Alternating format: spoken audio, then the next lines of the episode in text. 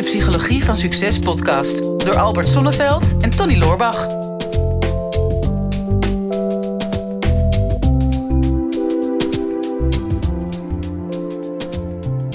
Tony, mag ik jou een persoonlijke vraag stellen? Nou, meestal bereiden we het even voor, hè? Maar toen maar gewoon. Ik kan niet garanderen dat ik antwoord geef. Ben je ooit wel eens tevreden over jezelf, Tony? Ooit wel eens tevreden? Ja, ooit wel. Ja. Het is al een tijd geleden dat ik tevreden over mezelf was. Ooit. Ja, want Dat, dat is wel waar heel veel mensen mee worstelen. Wij krijgen nogal eens een keer vragen via LinkedIn of via Instagram van, uh, over perfectionisme.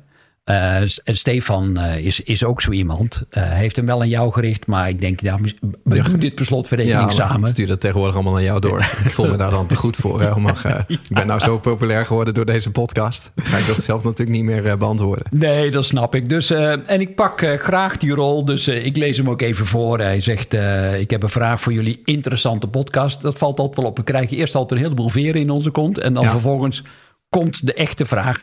Waarom is goed niet goed genoeg? Uh, hoe komt het dat je altijd maar meer en beter wil? Alvast dank voor jullie hulp.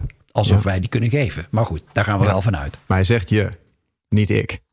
Ja. Dus hij zegt niet van hoe komt het dat ik altijd meer en beter wil, maar beste Tony, hoe komt het dat je altijd meer en beter wil? Ik wist niet dat ik die positionering had. Nee, daarom, daarom begon ik ook dit, bij deze podcast met de vraag: vind jij jezelf goed genoeg?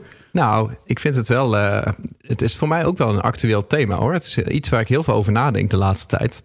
Dat ik ben nu uh, bijna tien jaar ondernemer. Mm.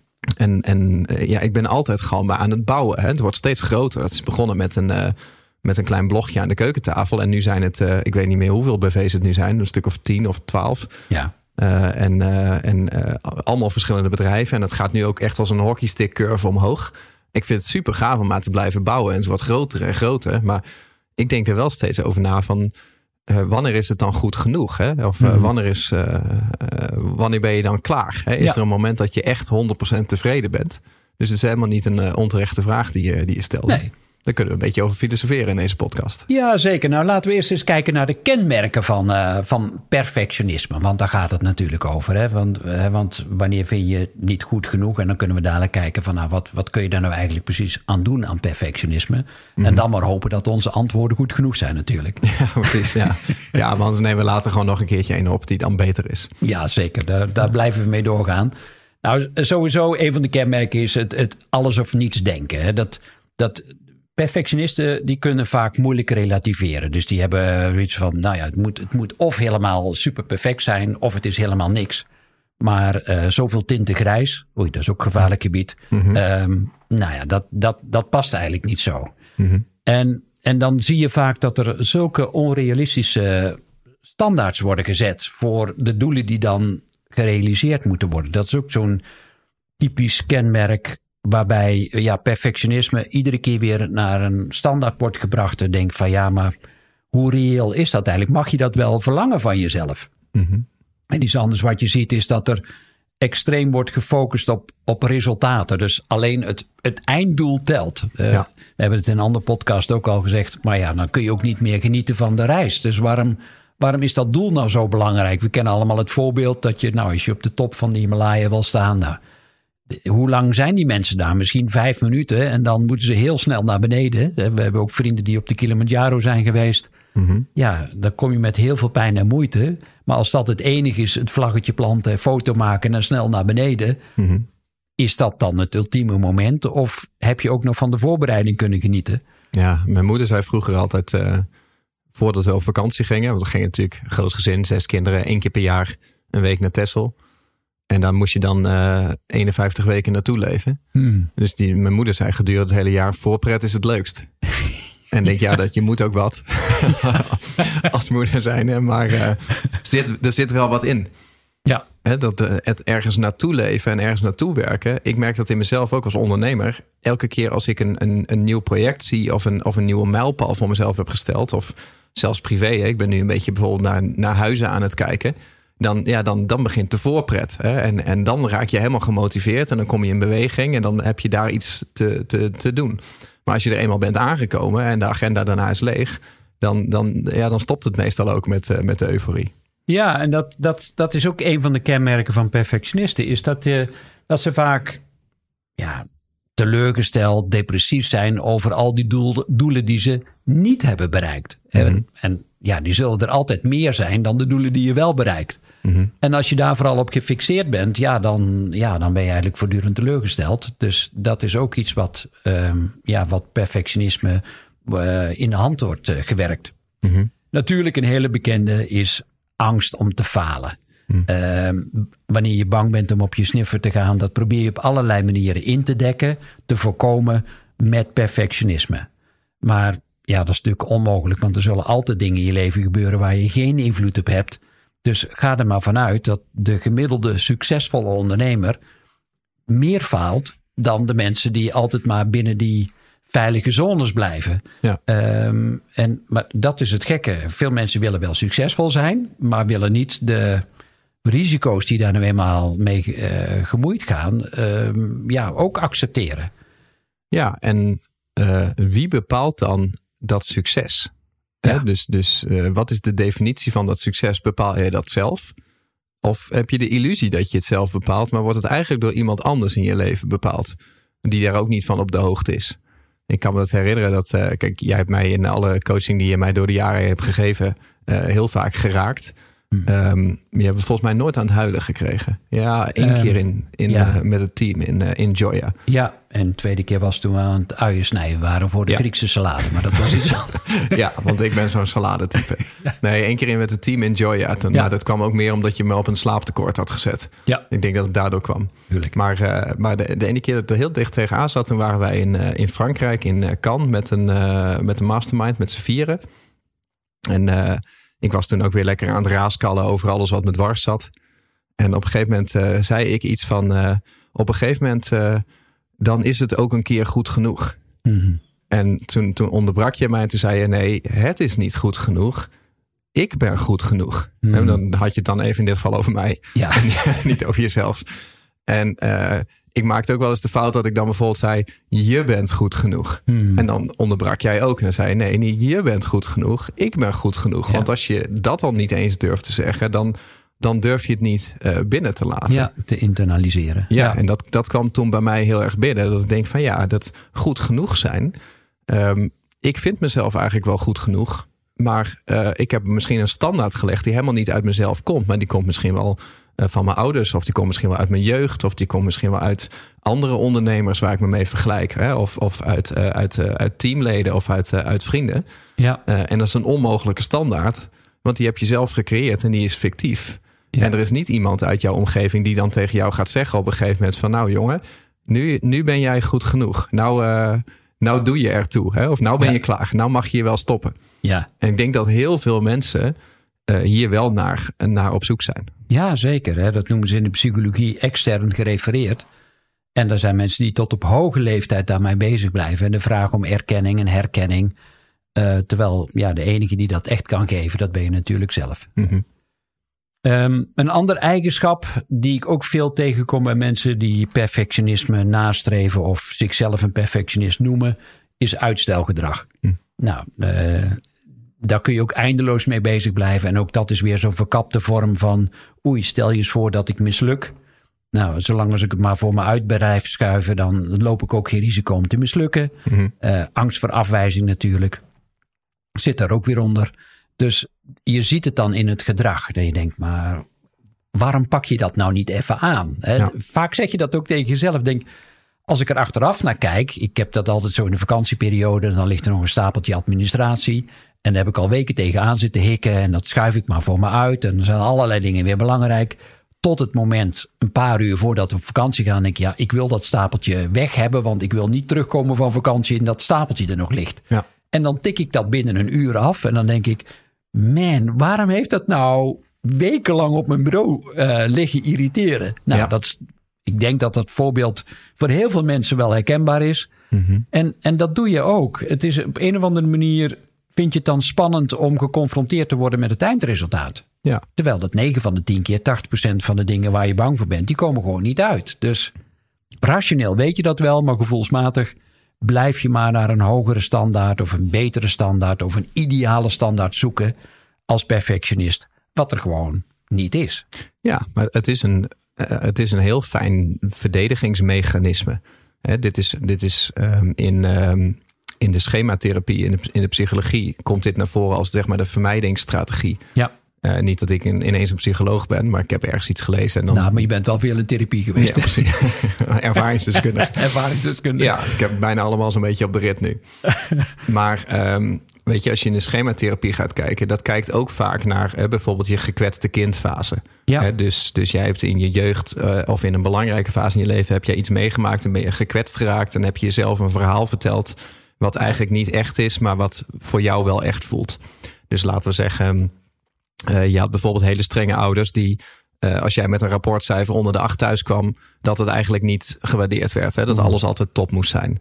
Of um, je bent uh, bijvoorbeeld door, je, door de eerste drie uh, mensen waar je ooit verliefd op bent geweest, ben je afgewezen. Of je bent ja. door je eerste vriendinnetje gedumpt. Ja. Waardoor je jezelf door zo'n soort situatie een gevoel kan geven van ik ben niet goed genoeg.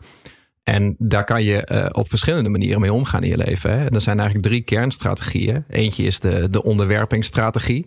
Dat je zegt van ik ben niet goed genoeg en daar ben ik akkoord mee. Het Hm. is nou eenmaal zo. Ja. En dan ga je jezelf, uh, de rest van je leven ben je dan een underachiever. Hè? Ja. Dus je plaatst jezelf in rollen waar je constant bevestigd wordt dat jij inderdaad niet goed genoeg bent. Je moet ermee leren leven, Tony. Precies, precies. en dat vertel je dan ook eigenlijk de hele Ja. dag aan mensen, dat jij niet goed genoeg bent, dat je dingen niet verdient.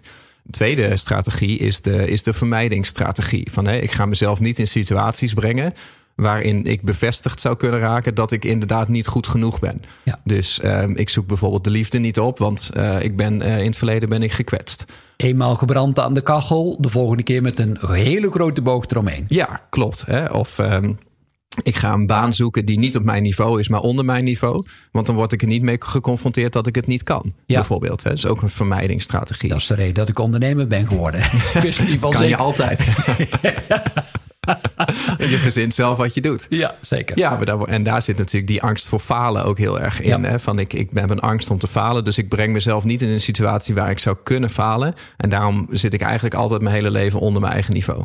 En, en strategie nummer drie is de, dat is mijn persoonlijke favoriet. Ah. Dat is eh, de overcompensatie. Dus, dus als je zegt van ik ben bijvoorbeeld onzeker, ik ben niet goed genoeg. Eh, er zijn heel veel mensen die dat hebben, die bijvoorbeeld narcistische trekjes krijgen. Of die heel arrogant worden. Of die bijvoorbeeld heel hard gaan werken. Hè? Dus Ja. die heel veel uren gaan maken. Of die heel veel BV's gaan oprichten. en laten zien Nee. aan de wereld van...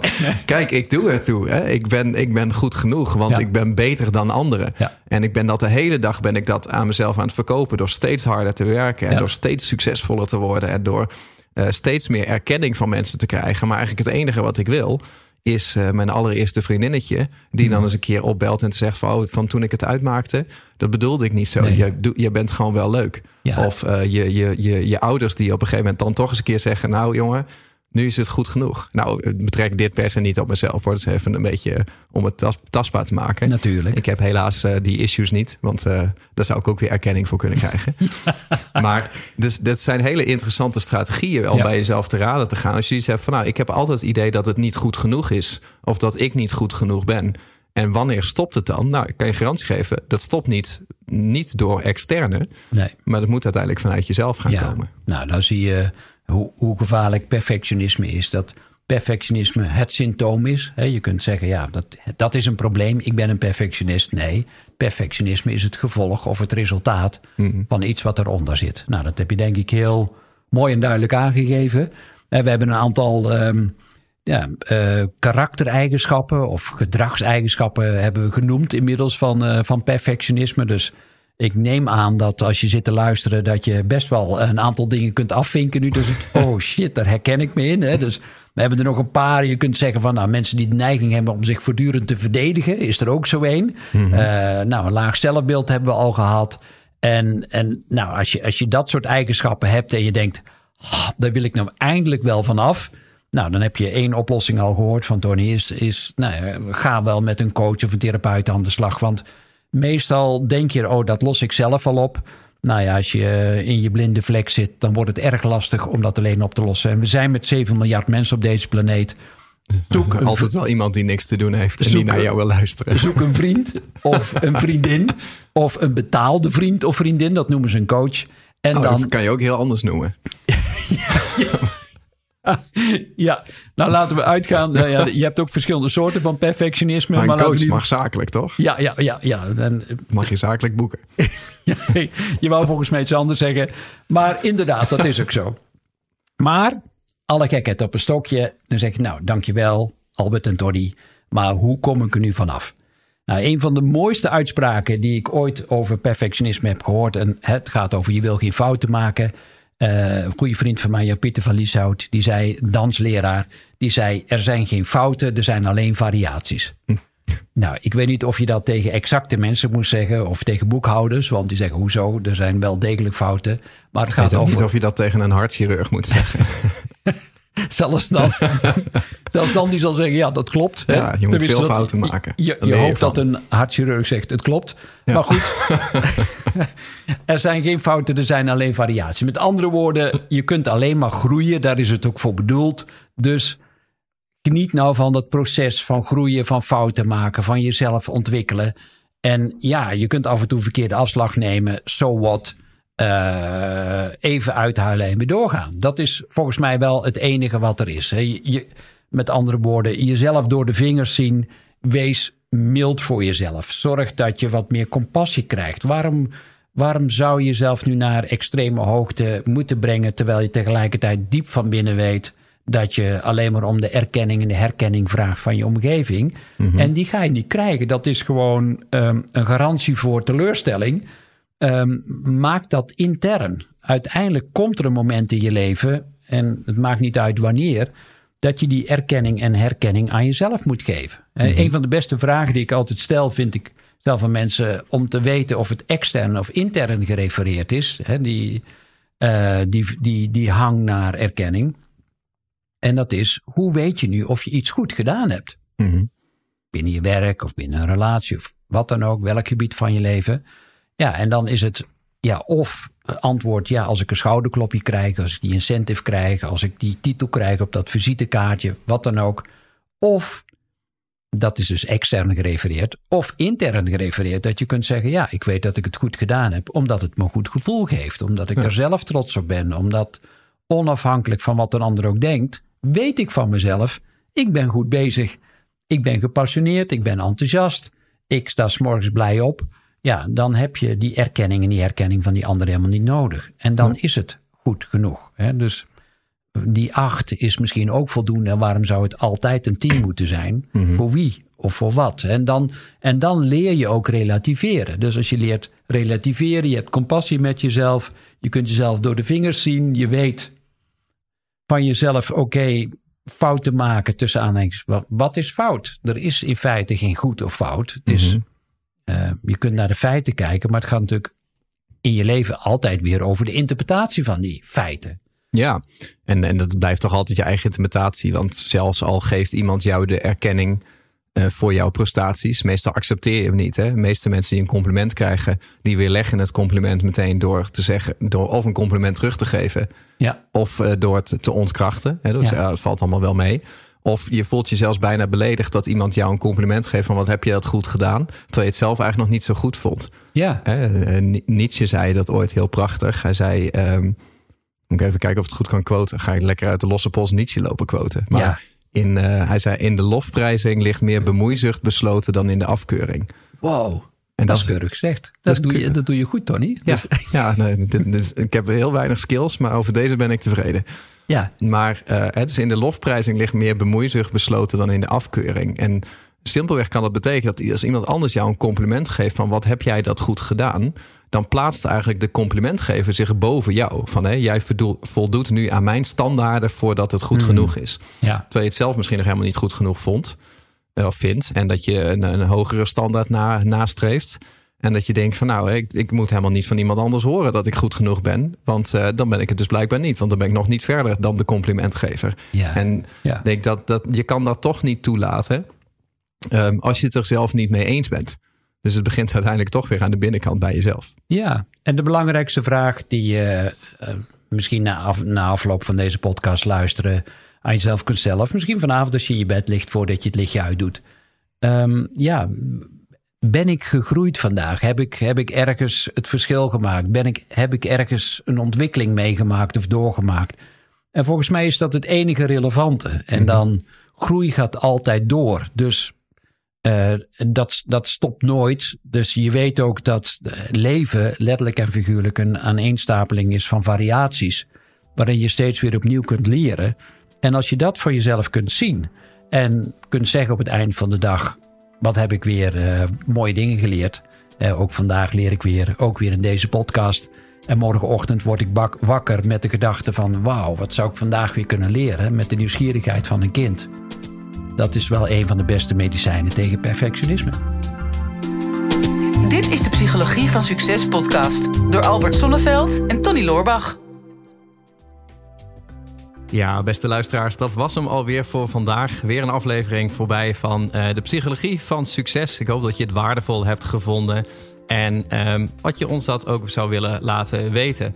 Eh, mocht je nog niet geabonneerd zijn op onze podcast, doe dat dan even. En wat we heel erg tof zouden vinden, is als je ook even een review zou willen achterlaten. We vinden het natuurlijk heel leuk om te horen van jou wat je van de podcast vond, welke inzichten je eruit hebt gehaald. En om dat natuurlijk in de review-sectie terug te gaan lezen. Heb je nou een vraag en je zou graag met jouw vraag in de uitzending willen komen? Stel hem dan op eh, de social media. Onze kanalen zijn vooral LinkedIn en natuurlijk Instagram.